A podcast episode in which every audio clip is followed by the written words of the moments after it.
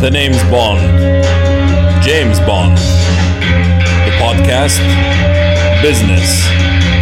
نتكلم business.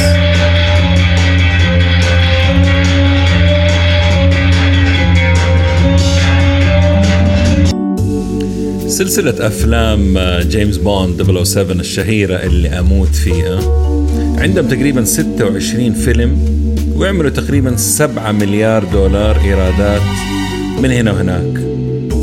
Metro Goldwyn Mayer أو MGM Studio تملك 50% من الأفلام حقت جيمس بوند ولكن الباقي للسيدة باربرا بروكولي وأخوها أبناء ألبرت بروكولي.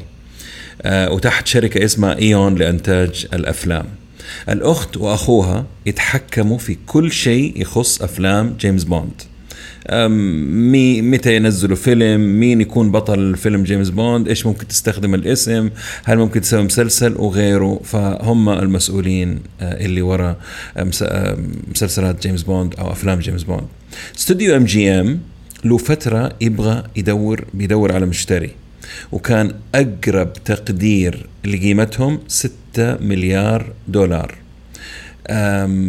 طبعا عملاق MGM عندهم إيش إيش ما عندهم. طيب. فحاولوا معاهم شركة Apple و Comcast إنهم آه، يشتروهم. طبعا Comcast هي اللي تمتلك NBC و Universal Pictures و Sky وغيرها الكثير.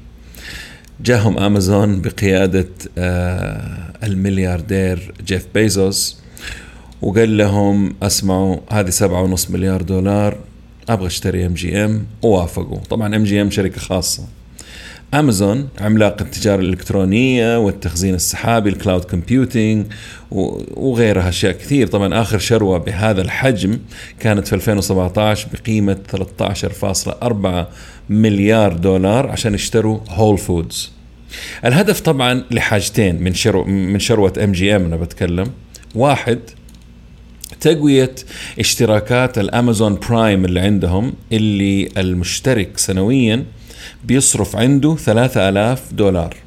اثنين الحرب الشرسة اللي حاصلة في ال streaming زي Netflix و Apple و Disney Plus Netflix وصل عدد المشتركين عندهم 208 مليون مشترك اليوم.